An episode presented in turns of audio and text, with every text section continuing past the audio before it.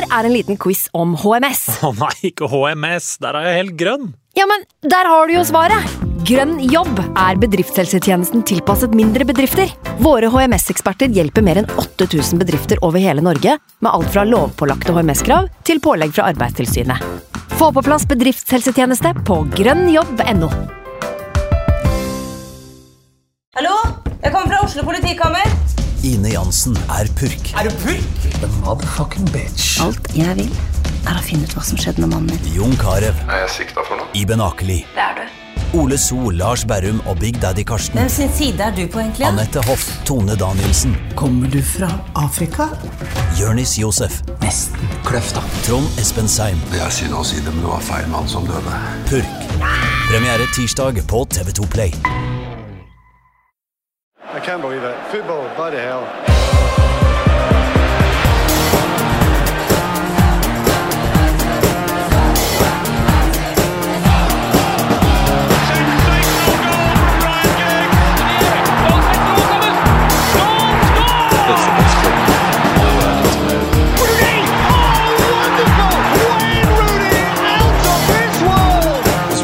Manchester.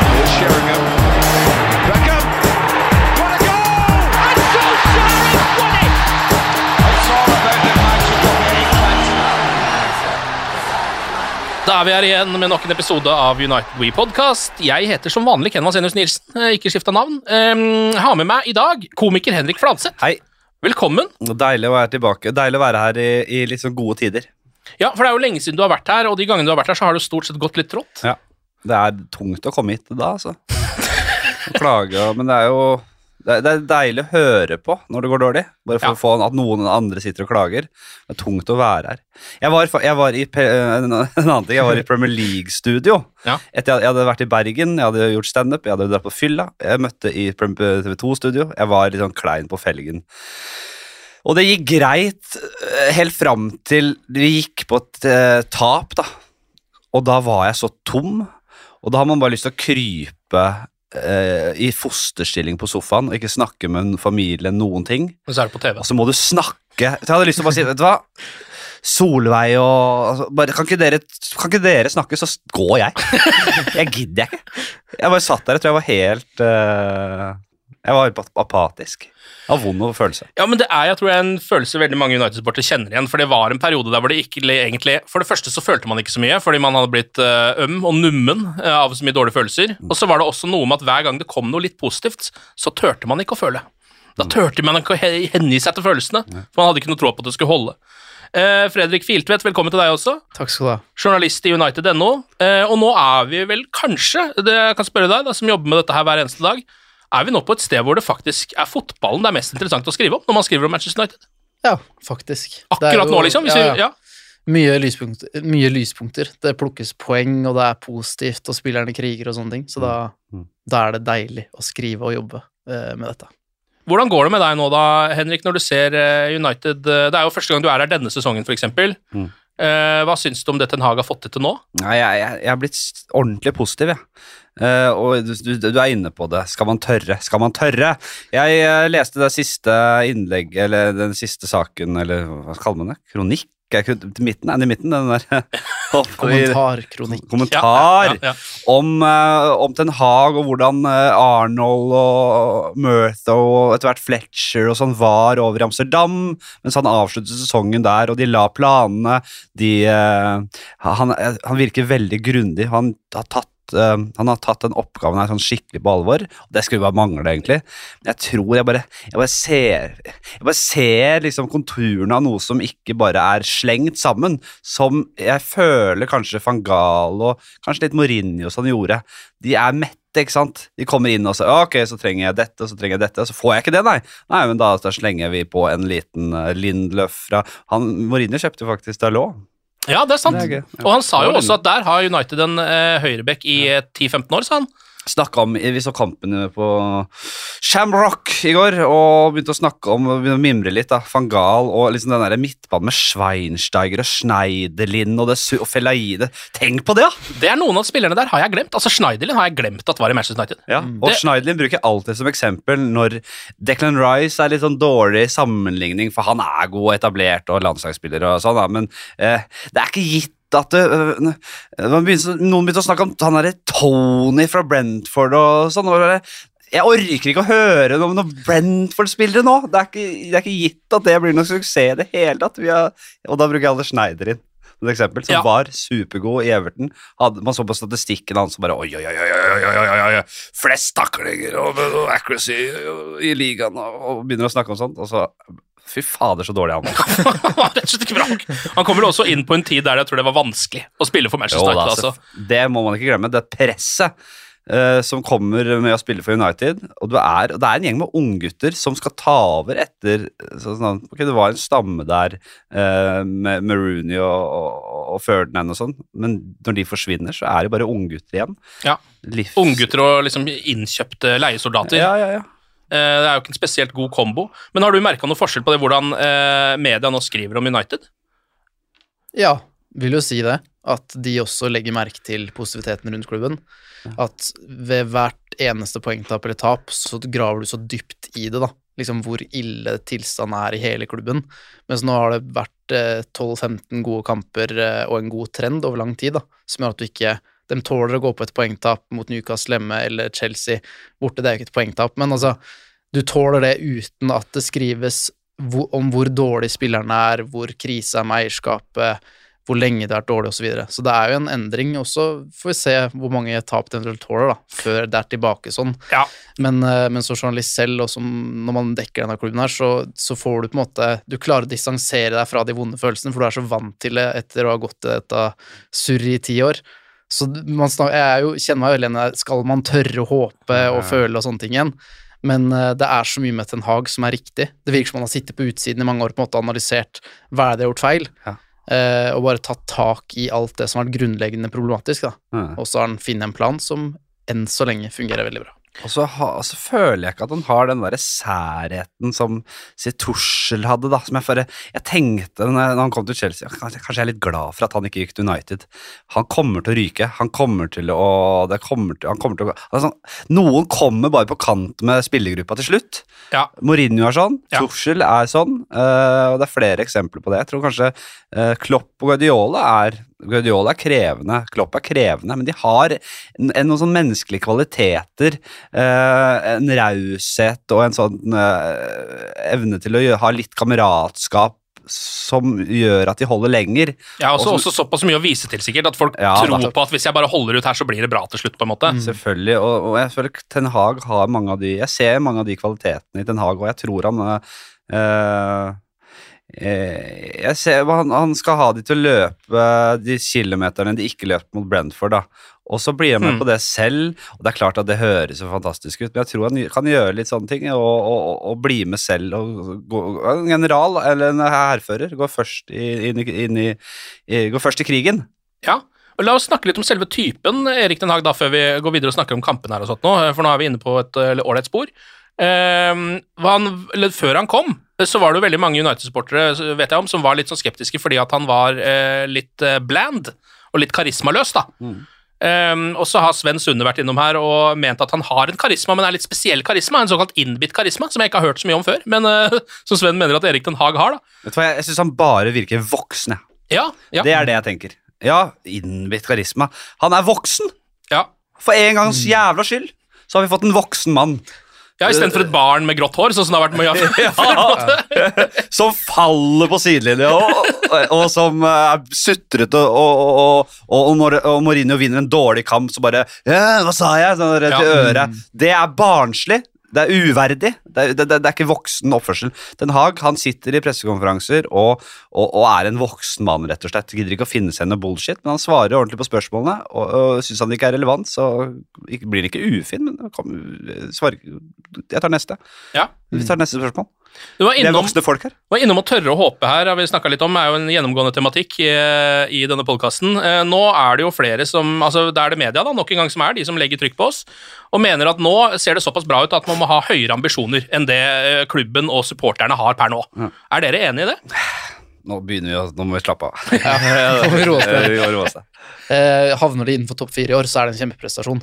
Eh, som Dag Lang- er veldig flink til å minne oss på, så var det på en måte hvor mange poeng det var opp til Liverpool og City i fjor. da. Så hvis United forbedrer seg med f.eks. 15 poeng, som de er i rute til å gjøre, så er det en helt vanvittig prestasjon, egentlig. Ja. Så vi må starte der, og på en måte vurdere den ut fra det grunnlaget. fordi falskt håp og optimisme om vi skal tenke at de allerede nå skal begynne å nærme seg City.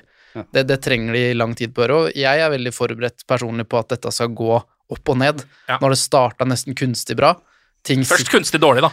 Først kunstig dårlig, Mm. og så har veldig mange av hans prinsipper og ting allerede begynt å sitte, og det, det vil de måtte trene masse på fortsatt. Og plutselig, så, sånn som Klopp og Guardiola også måtte oppleve, er at de får en kjempestart. Eller Guardiola gjorde det, Klopp gjorde ikke det. Men at det, når det går kjempebra, også vil være perioder der det går kjempedårlig, av helt naturlige årsaker, slitasje, skader, slitne bein, um, så kommer det en formsvikt. Og da kan ikke vi igjen begynne å si at ah, vi skulle gått for Pochettino, så er det mulig. For det er jo fort det, det er det vi har gjort i ni år nå, Ja. men så har man heller ikke hatt kanskje samme tro på forgjengerne som man har med Ten Hag nå, da. Nei. Men vi må forberede oss på at dette vil variere. Det er ikke en pil som kommer til å peke oppover hele veien, det kommer til å gå i bølger. Eh, Jeg er veldig forberedt på det, eh, men det har starta veldig bra, og det er ikke bare prestasjonen på banen, det er hvordan han ønsker å drive hele klubben. Mm. Men igjen så tenker jeg at det, ja, man må være realistisk. Og øh, det skal tro Okay, Arsenal har jeg sett uh, ryke på en smell før, for å si det sånn. Oh, ja. uh, City virker alt, alt, altfor stabile og gode til at man skal kunne ta dem. Men hvis man ikke setter seg litt hårete mål, så mister man jo Altså, det må man jo også gjøre. Ok, så, så sett det der, sett et sånn litt sånn hårete mål om at kanskje City får masse skader og snubler, og at, vi, at det kan bli jevnt der. Og så får vi den ekstra boosten inn mot eh, avslutningen, og så hvem faen vet? Det har skjedd større mirakler i fotball. Man må jo kunne klare innad i gruppa å ha det målet. Eh, for hvis ikke, så har man jo ikke noe eh, å strekke seg etter. Eh, men samtidig så må man sette litt realistiske del delmål. Hva, er, hva, hva bør være målet halvveis i sesongen? Jo, det er å være inne i topp fire. ja. I hvert fall ha grep om det, liksom. Ja. Ja, og sette litt delmål. Men sånn, jeg tror innad så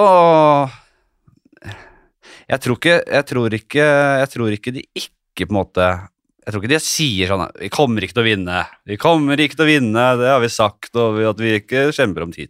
De må gjøre det. Ja. Må de ikke det, da? Det du sier nå er jeg helt enig i, men det, det jeg syns vi skal passe oss for, er Delmålene er vanvittig viktig at vi måtte følger og holder oss oppdatert på hele veien. Og så er det lov å drømme og håpe. Men si at United nå vinner de neste sju-åtte kampene, og så er det helt opp ryggen på City. Mm. Da er det også viktig at når sesongen er ferdig, og United eventuelt har havna innenfor topp fire, så kan ikke vi sitte og være skuffa. Eller jo, vi kan det, men da er det viktig å huske på at vi nådde det målet vi hadde satt oss før sesongen, Ja. sånn at ikke det blir en negativ greie. Mm. Men klart, hvis United ligger eh, i ryggen på City med fire kamper igjen, og så taper de fire siste, Ja. så vil det være en skuffelse. Ja. Men vi må hele tiden huske på hvor var vi, hvor skal vi, da. Ja, ja, ja. Så, så, men igjen, selvfølgelig, det kommer helt an på hvordan sesongen utvikler seg. mm. Men uh, i utgangspunktet så er topp seks knalltøft, så topp fire med det utgangspunktet Ten Hag hadde da han overtok etter Ragnhild, og det trainwrecket der, så må vi være kjempefornøyde med det. Og det sitter jo fortsatt folk og lurer på om det er oppnåelig og mulig, for vi er kloke av skade her. Vi har fått noen smeller. Ja, nei, nei, nei det, det er et long game, og nå tenker jeg City har jo vært, eh, om ikke kanskje ikke lillebror engang, altså. Eh, tenk hvor langt, langt bak United de har vært. Og så selvfølgelig har de fått eh, oljepenger og slavepenger, eh, men, men de har jo likevel sittet bak United og, og, og, jobba veldig, veldig godt med den klubben med akademi, med hele strukturen. Det er en godt drevet klubb, selv om de får mye penger inn i, uh, har mye penger i kassa. Så, uh, og dette gjelder jo Det gjelder jo alle de klubbene som ligger bak de. Dette er, United har på en måte for meg vært litt sånn Romerriket etter fallet. Ja, ja, Vi hadde ja. alt. Vi hadde en kultur. Eh, med en historie som er helt unik. Eh, vi, kunne, vi kunne hatt noen tradisjonsbærere som bare som tviholdt på den kulturen, og som på en måte Sånn som de har fått inn litt sånn i, i senere år da, så har de fått inn noen som kjenner klubben. Hva er det dette? Fordi vi har glemt det! Hva dreier det seg egentlig om? Mm. Og en liten periode så var jo også, føler jeg i hvert fall, de tradisjonene og den historien nesten eh, som en slags akilleshæl. Ja, For den, den ble liksom slått i trynet på deg hver gang Ja. du skulle prøve å gjøre noe litt annerledes, eller Og så viste det seg at kanskje ikke man kan spille den fotballen man gjorde før, eh, fortsatt, og så må man gjøre noe annet. Ja. Så, Så da- kom det stadig vekk, da. Og så kommer de som ligger bak og jager, så kommer de sakte, men sikkert, og så har det snudd. Men vi, vi kan selvfølgelig øh, komme tilbake, og det på mye øh, kortere tid enn det Liverpool for eksempel gjorde, når de var nede. Så en ting jeg skulle si, altså en som gjorde det litt vanskelig var jo Solskjær, når han hele tida skulle være nostalgisk, og, og min, vi er Manchester United og bla bla bla. Ja, men det er det, det setter kanskje et større press enn det, det, det, virker kanskje mot sin hensikt. Mm. En ting jeg tenkte på, øh, for jeg, jeg er ikke noe Jeg kan ikke veldig mye fotball. øh, Men du ser mye fotball. ser mye fotball, men sånn jeg kan, ikke, jeg kan ikke sitte og plukke fra hverandre hvordan Solskjær øh, sin filosofi er, hvordan han vil spille fotball, og Ten Hag på et høyt nivå.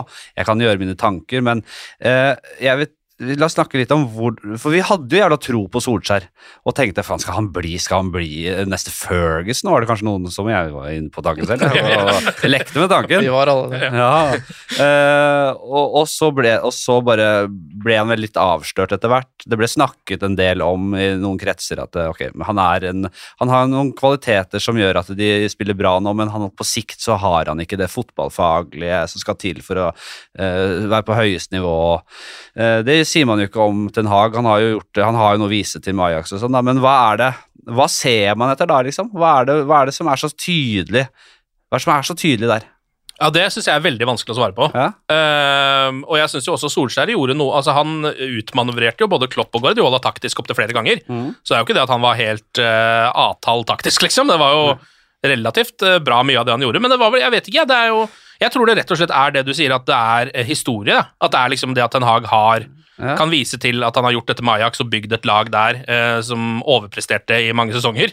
Men kan det være det at eh, Solskjær leverte når de på en måte Når man ikke forventet en dritt, og han skapte positivitet, og så var det mye 4-0 og god stemning og, og mirakel i Paris og, eh, og sånn, men også, også utmanøvrerte han Pep og, og Klopp og sånn noen ganger, og Tottenham ikke minst. Eh, men når han skulle insisterte på nå skal vi være Manchester United her, og vi skal, vi skal styre kampen.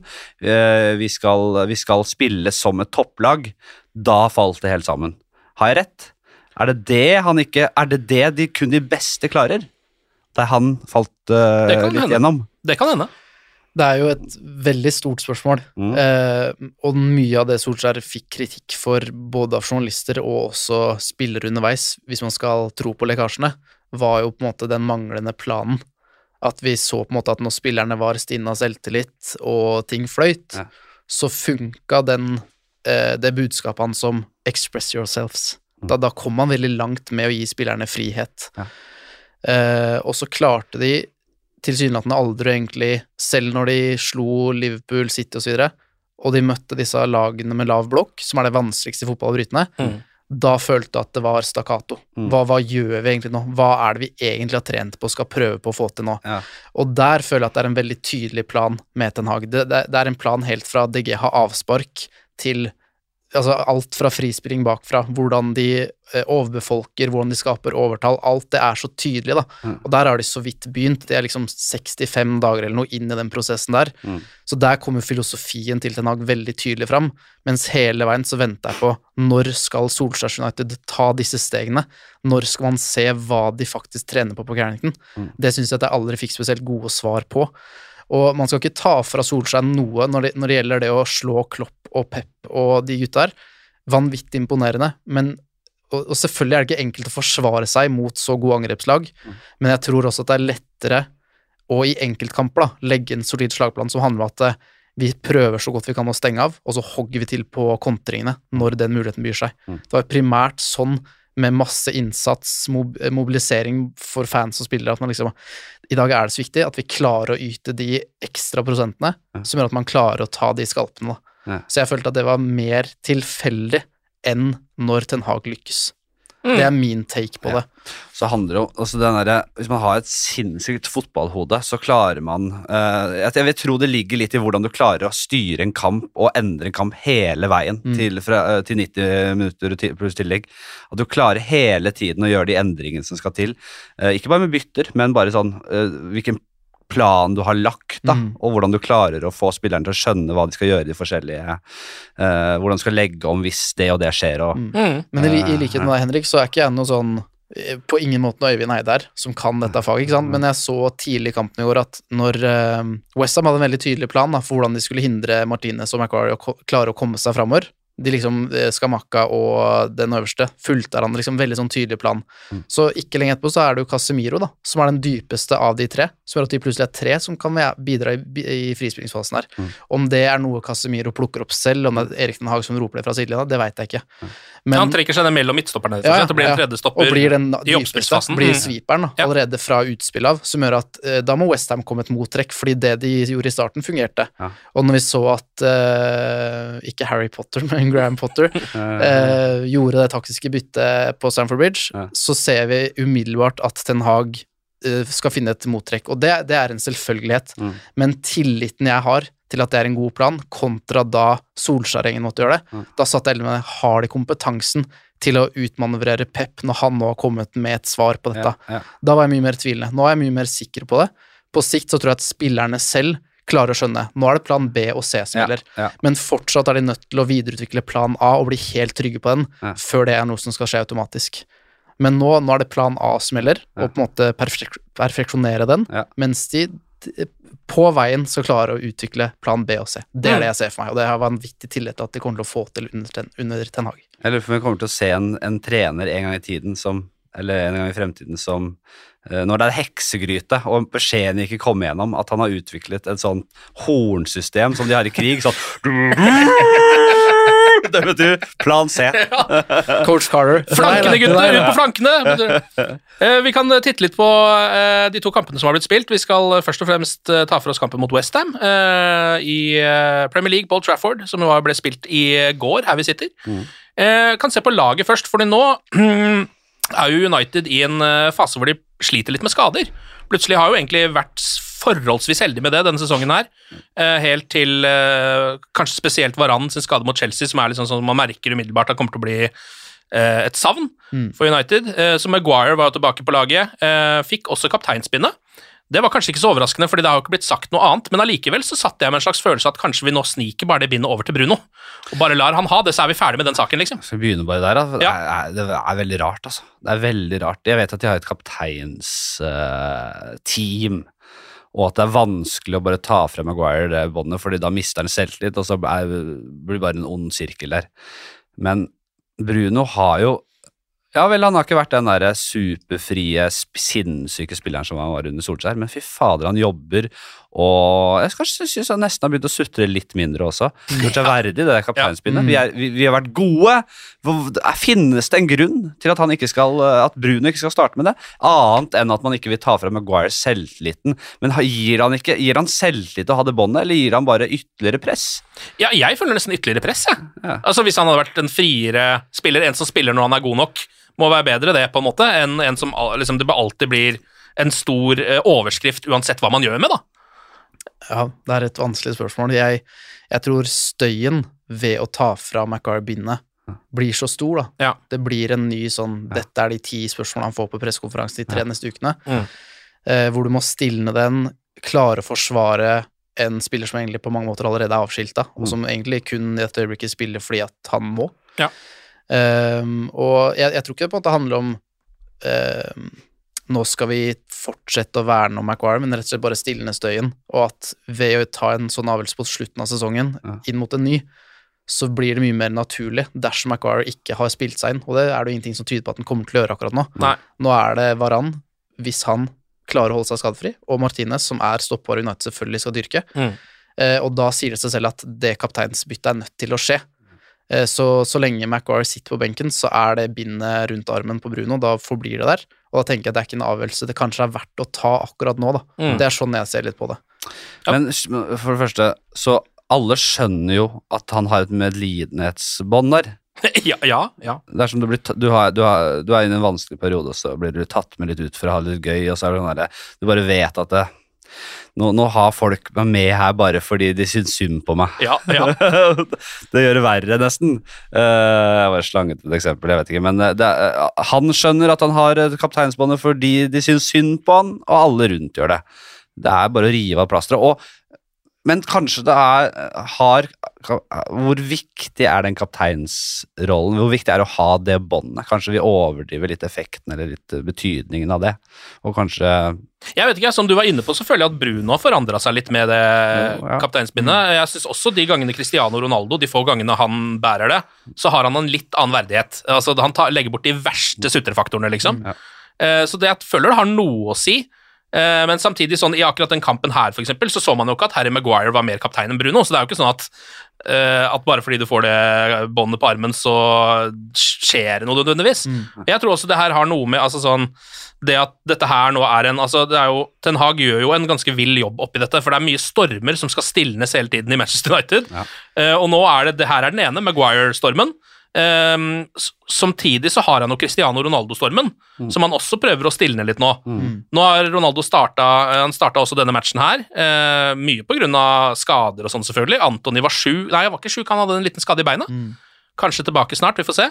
Um, og så er jo Martial fortsatt skadd, så da måtte han jo nesten gå for Cristiano på topp, da. Ja. Men nå har han jo starta et par matcher etter uh, at han uh, stakk sutrende ut fra, eh, fra stadion eh, for ikke så lenge sida. Mm. Og den føler jeg også den, Det er akkurat som at den stormen har liksom bare, bare roa seg ned. Skjønner du? Det er akkurat som en fis i vinden som bare blåste forbi. jeg, og det er jo ja. fordi, i min bok, da, at Ten Hag har løst det her helt perfekt. Ja. Og det syns jeg også han gjorde med Maguire, bare for å hoppe litt tilbake. Ja. Fordi at han tok et bevisst valg. Maguire, du er min kaptein når sesongen begynner. Eh, og når han da har to kamper inn i sesongen, vraker kapteinen sin, Mm. så har du potensielt skapt en vanvittig storm du er nødt til å stilne selv, da. Mm. Og det syns jeg også han Heldigvis, da, for hans del, så var det såpass dårlig at alle forventa det. Mm. Han var egentlig nødt til å gjøre det, Ja. men han gjorde det, og det viste en styrke. Det er ingen før han som har turt å gjøre det, selv om både fans og supportere, nei, både medie og supportere har ropt på vrakingen av Maguire. Men han gjorde det, eh, og da har du på mange måter satt deg selv i en ganske dårlig og vanskelig situasjon også. Kapteinen min, han jeg valgte, er ute av laget tre kamper inn i ny sesong av min eh, æra. Eh, Så jeg syns at måte, han skal være litt varsom med neste steg, men eh, det ligger veldig i kortene at det er ny kaptein fra neste sesong. Mm. Og, og, og en kaptein skal på en måte skinne, stå ut som bare Det er ikke noe tvil. Mm. Dette ja, han er kapteinen her. Først og fremst spille hver kamp, liksom. Ja, og så skal det være en samlende kraft i gruppa. Eh, og det kan hende Maguire Men det, jeg vet, vi vet jo ikke hva slags type Maguire egentlig er i garderoben. Nei. Han må jo ha noen kvaliteter som gjør at han fikk det båndet med en gang han kom. Var det bare fordi Solskjær ville ha hans mann, liksom, eh, for å få litt kontroll på en eller annen måte. Det er en maktkamp der. Eh, men det jeg skulle si Jeg hadde en eh, Jo, jeg har en tanke, og det går litt eh, på Ronaldo igjen, dette her, da. Nå hopper vi litt fram og tilbake. Min skyld. Men det går jo på den derre den kampen eh, Den derre kampen om spillergruppa som Ten Hag kjemper her. Og eh, han benka han mot Chelsea. Eh, hadde, man Jeg hadde kanskje håpa på litt flere kamper etter den uh, krisegreia der, men han benker den mot Chelsea, eller tar han ikke med i det hele tatt, og så er han tilbake igjen. Så det var, bare, det var mer sånn symbolsk greie. Ja. Og vi trenger han nå fordi vi har skader osv. Ja. Og ty- tynt besatt. Så uh, starter han selvfølgelig mot Westham. Vi trenger han der fra start. Sikkert. Bra. Han, vi, vi har leda 1-0. Hva skjer mot slutten av kampen? Og her tenker jeg at Ten Hag bevisst han, Fordi Ronaldo løper, han løper sokka seg. Han er så vidt han klarer å komme seg rundt på banen der, men han er fortsatt på. Mm. Så spiller Ten Hag Ronaldo for å bare vise for Ronaldo og alle andre at det, dette, kompis, er grunnen til at du, du må hvile i ny og ne. Dette er grunnen til at du ikke Du er ikke den spilleren du var. Fordi nå heller, Jeg føler at hele laget raser litt fordi Ronaldo, vi har mistet første pressleder. Ronaldo er, han er helt immobil. Mm. Eh, fordi han er gammel. Ja. Tenk om vi hadde fått Hvorfor ikke få inn Sancho der til å jage front? eh, og, og, og skape eh, noe press der, da. Mm. Jeg, kan ikke skjønne noe annet enn at, eh, at en Hag bare spiller Ronaldo for å bare kunne vise til hvor gammel han så ut på, utpå der. Kanskje fordi jeg tror eh, Cristiano gikk eh, Altså, jeg tror han hadde eh, gått med surr i beina når han gikk av der. Eh, da tror jeg det var mye melkesyre og mye annet som hadde Mm. jobba seg opp. fordi som du er inne på, så er jo et tidspunkt der hvor han eh, så vidt rekker en ball ja. helt på slutten av matchen, ute på sidelinja der. Ja. Og Vanligvis så hadde han bare styrta i angrep, for det er egentlig en veldig stor sjanse som kan oppstå, men han så blir bare stående stille, for beina har stoppa opp, rett og slett. Ja.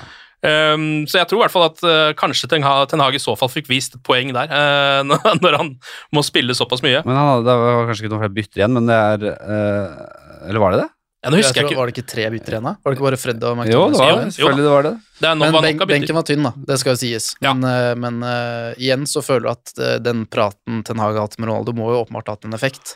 Når du ser hvordan Ronaldo i en alder av 37 år, og kanskje for første gang i karrieren, virkelig jobber sokkene av seg Ja. en hel match. Han gjør- For du har sett det unntaksvis tidligere, Ja, at han liksom har det i seg, men ikke så, sånn som han sto fram i går, da. Nei. Viste defensive kvaliteter. Jo. Det er liksom ikke det du forbinder han med. Og så, har han jo på en måte spart litt på kreftene, og det er jo kanskje lurt når du da, Han kjenner sine begrensninger såpass at han sparer litt på kreftene til når det gjelder. Så i går så brukte han opp alt, og kanskje forventer å bli bytta ut, da. Fordi, Ja, ja. Hvorfor skal han være utpå der? Jeg, skjø- jeg satt og skreik, jeg. Hvorfor faen? Nei, Han, han, han, han var helt ute, han hadde jo ingenting. Ja, og egentlig så er jo det en farlig gamble, fordi som vi skal komme tilbake til her, så holder det jo på å gå gærent også eh, på slutten der, når eh, det har gått litt saft ut av eh, flere United-bein enn Ronaldo sine, tydeligvis. Eh, men en ganske middels førsteomgang av Manchester United tar ganske lang tid før de liksom, de skaper sånn halvgreier hele veien der, men det er liksom ikke det helt store. De kontrollerer, da. Kontrollerer, men liksom, jeg synes ikke de, de skaper ikke spesielt mange sjanser. Jeg synes egentlig den første ordentlige altså Det er litt sånn litt halvsjanser. Og så kommer den første ordentlige etter 38 minutter, eh, ganske langt ut i matchen. Da er det jo Eriksen med et helt perfekt innlegg eh, fra hjørnet av 16, rett på huet til Marcus Rashford. Eh, og der ser vi liksom Rashford sånn som han var eh, i starten av United-karrieren sin, egentlig. Når han drev og hedda inn baller mot Arsenal eh, rett som det var. Og da stanger han jo da inn sitt hundrende Manchester United-mål. Eh, det er jo godt å se. Det er så godt. Han koste seg med det. Han har jo slitt litt Rashford med Nå skårte han jo selvfølgelig også mot Sheriff på huet da òg, men han har jo, før det så hadde han jo en tre-fire matcher hvor han burde ha skåret en tre-fire mål, eh, men uttellinga var liksom helt på bånn, da. Den, den ene spilleren jeg unner mer mål enn Rashford, er The Gea. Ja, ja jeg er helt enig. For, en match den mannen eh, sto. altså Det skal vi også komme inn på. fordi um, Etter pause så skaper ikke Manchester United veldig mye der heller. Der er det også litt sånn, De har ganske god kontroll, og det er en ganske kjedelig kamp for den objektive. Helt fram til vi kommer inn mot slutten. Um, og litt før det skjer, så har United en periode på en 10-20 minutter hvor eh, Westham prøver å presse eh, og prøver å skape noe, men egentlig ikke er helt gode nok. United har masse rom masse rom til å avgjøre den matchen her, liksom. Slurver masse. Får ikke de, får ikke de sjansene. De er tre mot én opptil flere ganger, slår en dårlig pasning eh, og surrer noe voldsomt, da. Og liksom setter seg selv i en situasjon hvor de egentlig kan eh, tape i hvert fall to poeng, eh, kanskje til og med tre. Eh, fordi Westham begynner å presse på litt. Og har altså ganske mye sjanser på slutten. Antonio har en heading, husker jeg. De Hea redder. To minutter seinere en heading fra Zuma. Massiv redning av David De Hea. Eh, og så uh, er det riktignok en liten periode der hvor United skaper litt. Rann. McTominay spiller Fred, husker jeg, som nikkeren i stanga. Der kunne de avgjort det, men det skjer jo ikke, da. Og så når det har bikka 90, så kommer det jo bare noe helt sinnssyke sjanser. Uh, det er, da er det fullt Westham-kjør, rett og slett. Jeg syns det er noe gøy med eh, Rashford-målet, som du ser liksom er rett foran Ronaldo. Jeg, jeg, Ja. er litt sånn, jeg er ikke helt team Ronaldo, så jeg må si det. Det skinner kanskje gjennom her. Jeg er litt lei av øh, fyren, åpenbart. Men uh, det er noe med at når Rashford bare hopper opp og stanger den inn, så ser du noe i Ronaldo som bare Faen! Ja, det der er jo meg. Og så kommer Fred! Ja, ja, ja, ja. Han hopper ikke! Og... Og Cristiano har jo hatt akkurat disse sjansene et par ganger før i matchen òg. Han, bare, han har mista faktisk litt av kvalitetene sine på huet òg. Det er vel et eller annet med spensten er litt borte. Han klarer ikke å henge like lenge. Det blir litt, sånn litt slappere headinger. Dette har vi sett før. Når en spiss mister kraften sin, eh, Da så mister han alt. alt. Ja, det ryker alt. Det så vi med Rooney og van Persie og, og så videre og så videre. Og så videre. Det, er, det er jo sånn det er. Det går Det mister alt. Helt på slutten av matchen så er det jo en kjempekjanse først for Bowen, som reddes på strek, og så kommer det et eh, langskudd fra Declan Rice eh, av relativt høy kvalitet, og der er David De Hea igjen. Uh, vært helt massiv hele matchen, kampen blåses av, og en litt heldig seier, må man vel kunne si. Det må vi kunne si. Ja. Det, men eh, det er veldig, veldig deilig Det er deilig å juble for en sånn derre eh, Den derre jubelen der er digg, den òg. Ja, den. Når du jubler for, når, når fløyta går. Ja. Yes! Ja, ja. Som en mål! ja, ja, akkurat som mål, eh, som det viktigste målet i matchen, på en måte. Ja. Eh, og det blir jo da eh, tre poeng til Manchester United. Eh, og så er det en ting vi kan ta med en gang når vi først snakker om David De Hea. Eh, han, han er ikke den spanske VM-troppen. Altså, eh, Luis Henrique mener at det er fem keepere som er bedre i Spania enn David De Ja. Det er, jo, er det en agenda, eller? Ja, der er det, må det være noe. Uh, og eh, så jeg leste vel noe senest i stad om eh, som er helt riktig men altså, DG har tatt steg med For det første så er han mye mer offensivt anlagt. Han er ute og møter, og han klarer det veldig godt òg. Mm. Han timer det veldig godt. Han har bare er- ikke gjort det før, tydeligvis. Nei, han har ikke det. Og så er han bedre med ballen i beina. og Han har aldri vært helt ute å kjøre. Men det Det virker er han hans som klart har vært problemet, ikke ballbehandlinga, syns jeg, da. ja, Tidligere. Han har vært stressa når han har ballen i beina. stressa, Ja, men, ja. men ganske god sånn Det ser ut som motorikken med ball og bein er ganske fin, ja. men at avgjørelsen ofte der Maguire har vært ledig, bare Ja. Nei, kiler den ut i innkast. Ja, og det er ikke så rart heller. Nei da. Så at han skal ryke fra Spanias tropp i denne perioden, det er rart. Det er helt utrolig rart. Uh, får vi se om det blir noe Den er vel ikke tatt ut ennå, den uh, troppen der, men uh, ja. En ting er å liksom ikke være førstekeeper, det er noe greit, Mm. Ja. men det å ikke være med, med, hans, med hans erfaring og på en måte til stede Jeg regner med at han er godt likt, ikke bare i United-garderoben, men i Spania-garderoben også. Mm. Ja, det, da, da må det være en agenda og noe politisk. Ja. Men det er, ikke, det er ikke så lenge siden eh, mange, meg selv inkludert, nærmest avskilta DG. da. Vi Ja. skal ikke så lenge langt tilbake i tid, eh, men det at han har tatt steg utenfor streken, Mm. for det er jo kun der han For å sette på spisen, det er kun der han har vært god Ja. de siste ti åra. At han liksom har vært vanvittig på strek, og så har det vært manglende feltarbeid, øh, dårlige avgjørelser med beina, Ja. aldri kommet ut og svipa. Vært, vært limt fast i streken, da. Mm. Det er det vi har kritisert ham for. Ja. Og når han da har tatt steg der, og opp, også opprettholdt nivået hans på streken, Mm. da er han jo åpenbart blant de beste fem keeperne i spansketroppen, Ja. og begynner også på en måte å komme i en form som gjør at man igjen snakker om han som en av de beste keeperne der ute, da. Ja. Eh, så den diskusjonen om Dean Henderson og De Gea som har vært veldig populær, nå er det på en måte ingen tvil akkurat nå. Eh, og så veit vi aldri hva som skjer. Det, det som er gøy med keepere, er at eh, hvis du er utespiller og er uh, bikker 30, så vet du at det, nå er det bare spørsmål. Nå er det, ja, Noen holder ut en stund, men det, kommer bare til å gå nedover. Keepere er nesten av og til litt motsatt. Eller at uh, Van de Sar blomstra jo virkelig. Han kom fra Fulham Mm. til United og hadde sine beste år fram til han la opp som 40-åring, var det ikke det? da? Mm. Så jeg vet ikke om du kan sammenligne de to eh, som typer, men altså, De Gea har jo sine s- klare styrker på streken, og det, sånn er det jo. Det er hans klare styrke. Eh, Fandes, men Fandes ja, nei, det kan jo hende han er, det at man blir, for gammel til å lære eh, Jeg tror ikke det gjelder i Ki... Altså, jeg, jeg tror han kan ta steget og fortsetter å jobbe hardt, så kan han bli bedre på det han er dårlig på, og, og holde ut i mange år til. Han kan helt- få nye helt- år nå. Helt åpenbart, fordi eh, han har jo blant annet tidligere fått kritikk for at det er vanskelig å samarbeide med. At det er umulig å lære deg noe nytt. Hva sier du Det det? har vært lekkasje om, og det tror Ja. jeg også tidligere keepertrener har åpenlyst sagt i intervjusettinger, Ja. der de blir navngitt. Eh, Så at det har vært vanskelig, og at kanskje dette er noe tidligere trenere også har på en måte jobba med og oppfordra til, Ja. men bare nei. Jeg, jeg Ja. gjør som jeg gjør, og gjør det jeg er god på. Ikke fortell meg hva jeg skal gjøre annerledes. Eh, og tidligere har jeg også sett at spillere har jo vært frustrert over at du må jo komme ut Denne ballen er din, det er innenfor 16-meteren. Ja. Det er på 15 meter, her skal du være. De slår ut med armene opp hit. Ja. Det gjør de jo ikke nå, da. Nei. Så han også har jo tatt vanvittig steg på veldig kort tid, Ja. og at han har sju, åtte, ni år igjen, hvorfor ikke? Sånn som mange keepere har, da. Mm. Eh, Så med enda mer erfaring og enda mer på en måte ydmykhet om at ok, jeg har kanskje fortsatt mye å lære, da.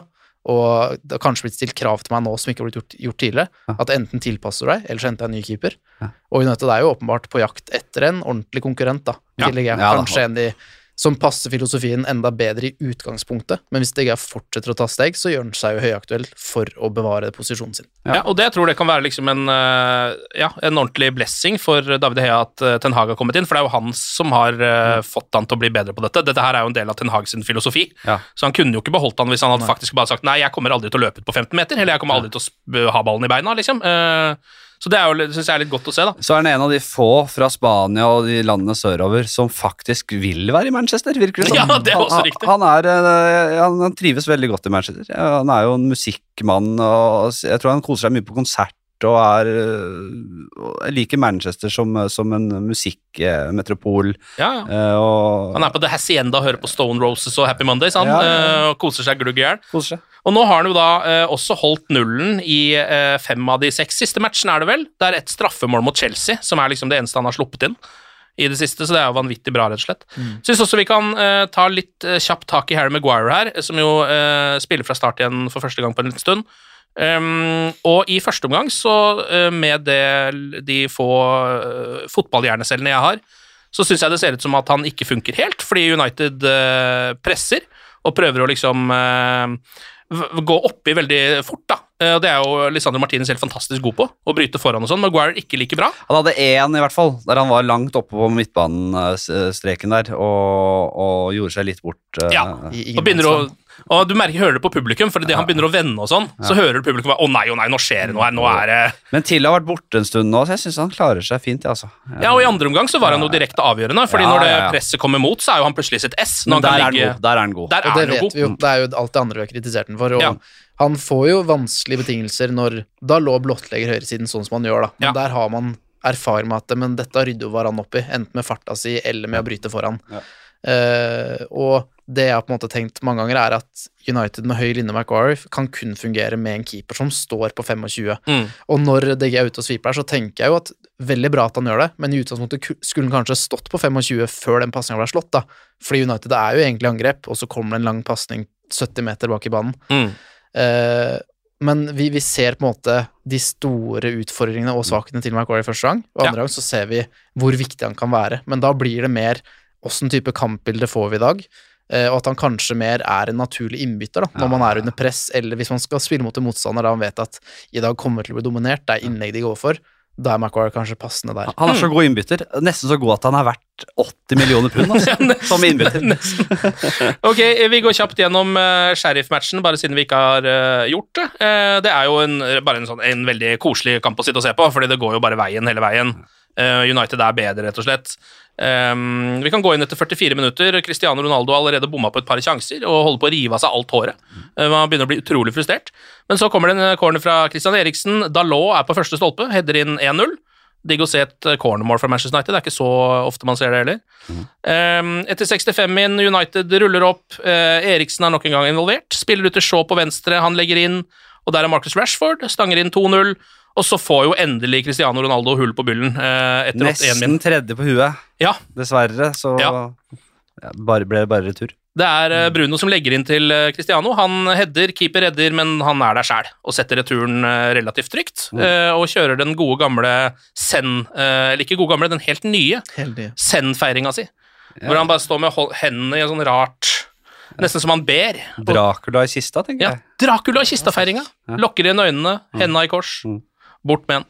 Ok, neste kamper for United nå, det er jo Real Sociedad borte på torsdag. Står om gruppeseieren, eh, og egentlig kanskje mer om å unngå kvaliken i Europaligaen, så man slipper noen flere matcher, for det har man ikke råd til. To kamper til der mot tøff motstand. Vi, vi takker pent nei til det, ikke? Jo, vi gjør det. Og det er en litt rart opplegg, dette her, fordi eh, i Europaligaen så er det jo eh, Der er det jo ikke målforskjellen som teller først. Så Det er en slags innbyrdes oppgjør, og i dette tilfellet så er det veldig bra for Manchester United. Mm. For Hvis ikke så måtte de vel ha vunnet med en tre-fire mål. Ja. Men sånn som jeg har, eh, hvis jeg har regna riktig, og det er det ikke sikkert jeg har, for jeg har et snev av dyskalkuli, Ja. eh, men eh, så vidt jeg har skjønt, så må United skåre to mål og vinne Ja. eh, i Sociedad, og da vil de gå forbi på tabellen. Fordi da er det noe innbyrdes oppgjør bortemål som teller før resten av eh, målforskjellen. Så vidt jeg har skjønt. Vi må, ja, de må rett og slett bare levere en kamp mot sosiale som de absolutt kan gjøre, Ja. og nesten bør gjøre. Det ikke, vi møter jo ikke overmakten her. Eh, og så får vi se om Ten Hag, eh, hvordan Ten Hag gjør det eh, når det virkelig gjelder, eller virk, når det gjelder litt, da. Ja, for det her er jo en sånn Jeg er også litt spent på Nå har Han jo kjørt Han har jo kjørt et slags europaliga altså Der har han kjørt litt andre spillere enn han har kjørt i Premier League. Han har ikke toppa laget på samme måten. Mm. Ronaldo for eksempel, skal liksom alltid spille der, virker det som. Det er en slags avtale de har. Mm. Det gjør han sikkert nå òg, siden det er litt skader og sånn. Eh, Men jeg er spent på om dette her er om man ser på det som en sånn Ok, dette her er faktisk en litt avgjørende kamp for sesongen, så vi må gå ut med vår beste elver, eller om man ikke gjør det. Ja, så det er jo Villa som har vært veldig Ja. svake nå. Ja. Eh, sånn sett så syns jeg det er er bra at Bruno har fått uh, må stå over akkurat den kampen. Uh, han trenger hvile. Mm. Eh, og så Fikse et gult kort der som gjør at man stå over. kan, Men hvor mange kan vi hvile mot Villa igjen? Det er ikke et dårlig lag. altså Hvis man begynner å ta veldig lett på den kampen, så ryker jo Og de stiller jo til en match med ny manager, Mm. Una Emery. Det pleier jo som regel å bety seier i første matchen. Det pleier det. Han får jo fem arbeidsdager på å forberede seg til en match nå, selvfølgelig.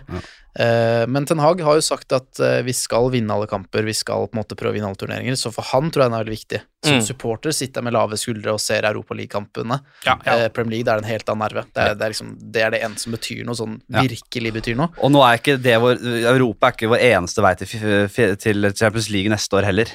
Nå føler vi virkelig at vi spiller for fjerdeplassen i, i PL. Mm. uh, så jeg er litt enig i at det, ja, Litt lave skuldre der, men det hadde vært ordentlig deilig å ta den førsteplassen, altså.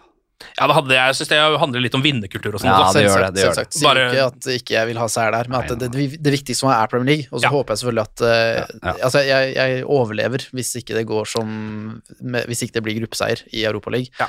Men det må hvile spillere og sånne ting. Så tror jeg at eh, det kjøres topp på lag i to kamper på rad nå, og så kommer ligacupkamp mot Aston Villa, og da ser vi rotasjonen. Endelig. Ja, for det er ligacup mot Villa etter Premier League-kampen. Altså, Una Emery sine to første kamper som Villa-manager er dobbeltkamp mot United. Ja. Det tror jeg ikke han er så glad for akkurat nå, og det er litt deilig for oss å tenke på. Eh, Fredrik og Henrik, tusen takk for praten, og glory, glory. Selv takk. Hei.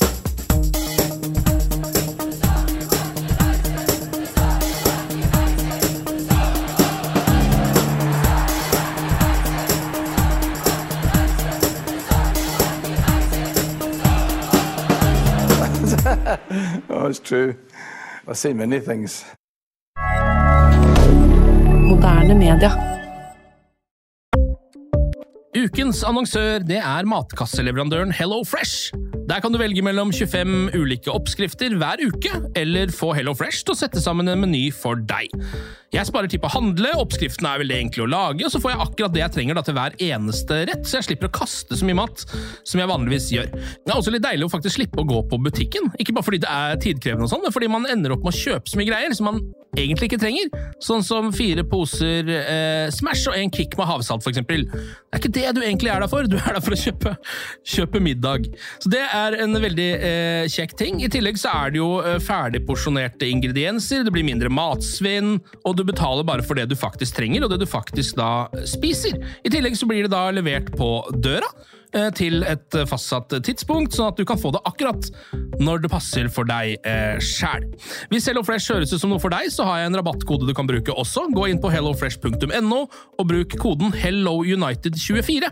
HelloUnited i ett ord, også 24, og få opptil 1779 kroner i rabatt på de fem første matkassene dine hvis du ikke har prøvd HelloFresh ennå. Du kan også bruke koden hvis du tidligere har vært kunde, men har stoppa abonnementet ditt for tolv måneder siden eller mer. Det er ingen bindingstid, og du kan pause eller avslutte abonnementet ditt akkurat når du selv måtte ønske. Husk koden HelloUnited24, og bon appétit! Ukens annonsør er Folio, en smartere banktjeneste for deg som har en egen bedrift eller ønsker å starte for deg selv. Folio er en superenkel nettbank for bedrifter. Som kunde i Folio får du en bedriftskonto med et bedriftskort og app. I denne appen er det smarte løsninger som forenkler regnskapet ditt, uansett om du har en liten bedrift eller et enkeltpersonsforetak. Folio er både intuitivt og brukervennlig, og er laget med et enkelt språk. I tillegg tilbyr de forutsigbare priser og ingen skjulte gebyrer. Skulle du likevel trenge det, så kan du snakke med deres raske og hyggelige kundeservice, og der får du prate med en faktisk person og ikke en chatbot. Folio er med andre ord både enklere og koseligere enn banken. Over 10 000 bedrifter har allerede valgt Folio som sin banktjeneste, så besøk folio.no og se hvordan Folio kan forenkle din hverdag også. Har du et enkeltpersonforetak eller en liten bedrift? Da er du sikkert lei av å høre meg snakke om hvor enkelt det er med kvitteringer og bilag i fiken, så vi eh, gir oss her, vi. Fordi vi liker enkelt. Fiken superenkelt regnskap.